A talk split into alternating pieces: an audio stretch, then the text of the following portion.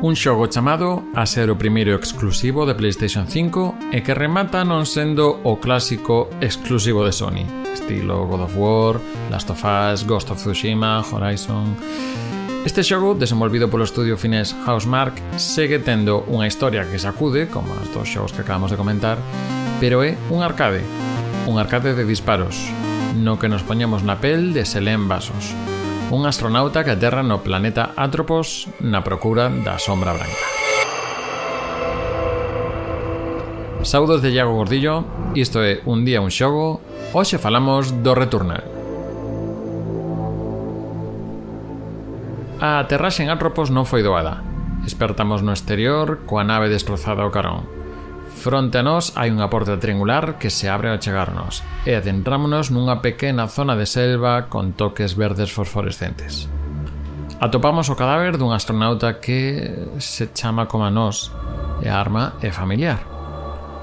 Seguimos avanzando e saltanos unha serie de bechos estilo mamífero con tentáculos que lanzan proxectiles brillantes. Tras destruílos coa pistola, recuperamos un audio doutro cadáver de alguén que parece que leva tamén o mesmo traxe que nós. Di que fai 30 minutos do último choque. Se estás escoitando isto, tamén estás atrapada. Seguimos avanzando por distintas macrohabitacións selváticas, con chaves que abren outras portas, e sigo avanzando e atopando máis inimigos máis inimigos e máis portas a desbloquear nesta selva pola que tamén acabamos chegando a ruínas dunha xenocivilización. Todo isto axudado polo propulsor que nos permite plataformar e esquivar con máis solvencia. Tamén temos a posibilidade de premer até a metade do gatillo ou de forma completa para ter distintos tipos de disparo, unha novidade que trae o mando da Play 5 xunto con esas vibracións con máis detalle. Aprezo un inimigo máis poderoso, máis agresivo, e máis grande que se lanza sobre nós. Intentamos esquivalo, pero levamos un golpe, dous, tres, pum.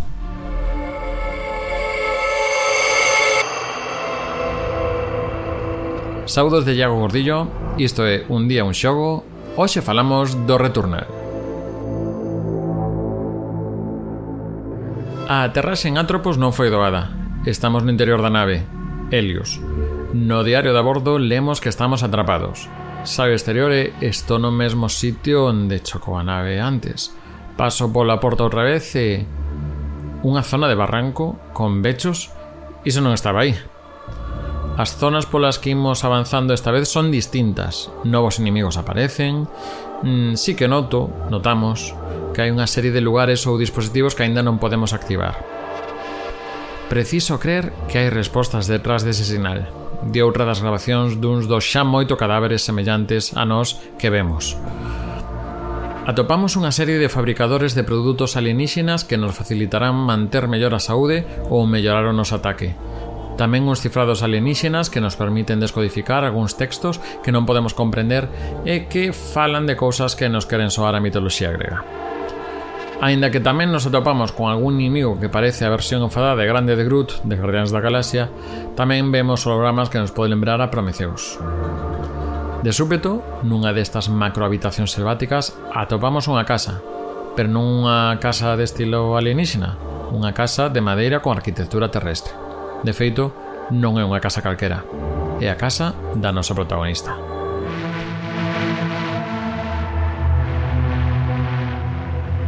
Entramos, desta vez en primeira persoa, e atopamos cousas como marcos de fotos, como astronauta que nos producen visións, ruidos no andar de arriba, e, ao final, ao asomarnos pola xanela, vemos a figura dun astronauta entre a negua.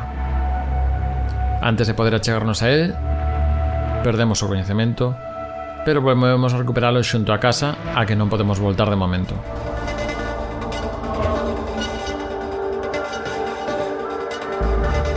Seguimos loitando por avanzar. E mentres contamos cun apartado de audio envolvente que é abrallante e cunha música enigmática electrónica que reforza a sensación de extrañeza e vai crecendo nos momentos da maior tensión. Atopamos unha especie de sabre de láser para golpear inimigos de preto e que tamén nos permite acceder a algúns recunchos bloqueados do mapa que antes non podíamos acceder. Tamén con el podemos atacar os inimigos máis de preto. Espera, oh, ainda non sei manexalo moi ben plafond.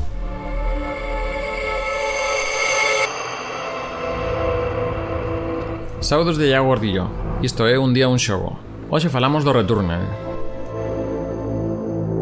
A aterraxe en Antropos non foi doada.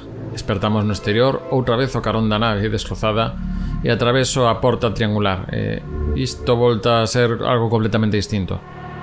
Isto é distinto tamén ao que nos tiña acostumado Sony. Non é o clásico AAA de acción e aventura, Non hai unha trama guiándome. Só a miña pericia e paciencia xogar permitirame avanzar. Como? Aprendendo a facelo mellor, a esquivar máis, atacar máis forte no momento exacto e ir familiarizándome con algunhas cousas que manteño despois de morrer, como o sabre. Axuda que o xogo corra 60 fotogramas por segundo e o traballo que ten o xogo para mover partículas, ou sexa proxetiles, é de louvar. Queredeme que hai enfrontamentos que poden chegar aos 500 proxetiles en pantalla, senón máis. Así o comprobo ao chegar o primeiro xefe dividido en tres fases, e cunha bátega de proxetiles impresionante que requerirá de vos reflexos e memorizar uns 4 ou 5 patróns de ataque que irá combinando de distintas formas. Victoria.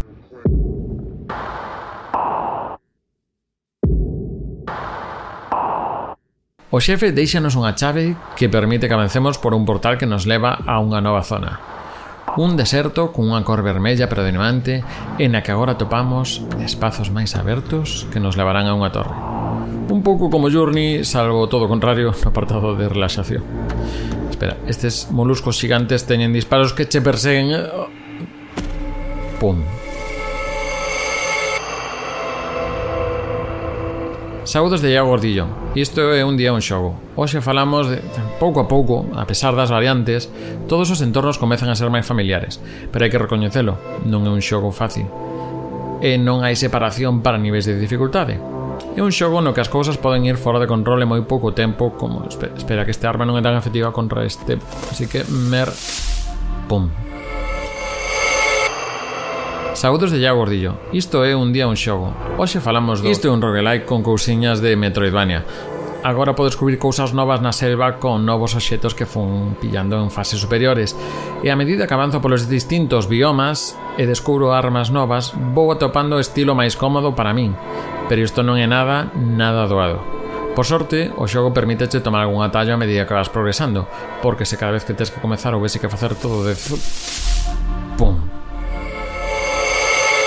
Saúdos de Iago Gordillo. Isto é unha maravilla Non só nivel xogable. A historia acaba tocando temas como levar a pena A frustración, os pensamentos ruminantes E un trasfondo terreal que pode ser incluso máis temible Que o dos monstros que habitan este planeta misterioso Que imos coñecendo cada vez máis. Tras moitas horas de suor, práctica e paciencia O xogo levame por un total de 6 biomas. Ademais, unha vez visitados todos os biomas, a historia non remata aí, pide seguir investigando para acabar de resolver o que nos quere contar. Así que o bucle pode que non sempre se peche en seguro. Actualmente o xogo conta cunha expansión gratuita a modo de torre infinita de supervivencia que complementa unha parte da historia de Selén e tamén un modo multixogador cooperativo. Alén diso, desde comezos de 2023 está disponible para Windows. Returnal non é un xogo accesible pola súa dificultade, pero se logras entrar nel, con paciencia, É un bucle do que é difícil sair non satisfeito coa experiencia. E eu estou satisfeito. Pum. Saúdos de Iago Gordillo. Isto é Un día un xogo, o micropodcast de Recuncho Gamer que tes en YouTube, Spotify e máis plataformas. Se che gusta o que facemos, podes axudarnos no Patreon ou suscribíndote no YouTube. Mañá, outro xogo?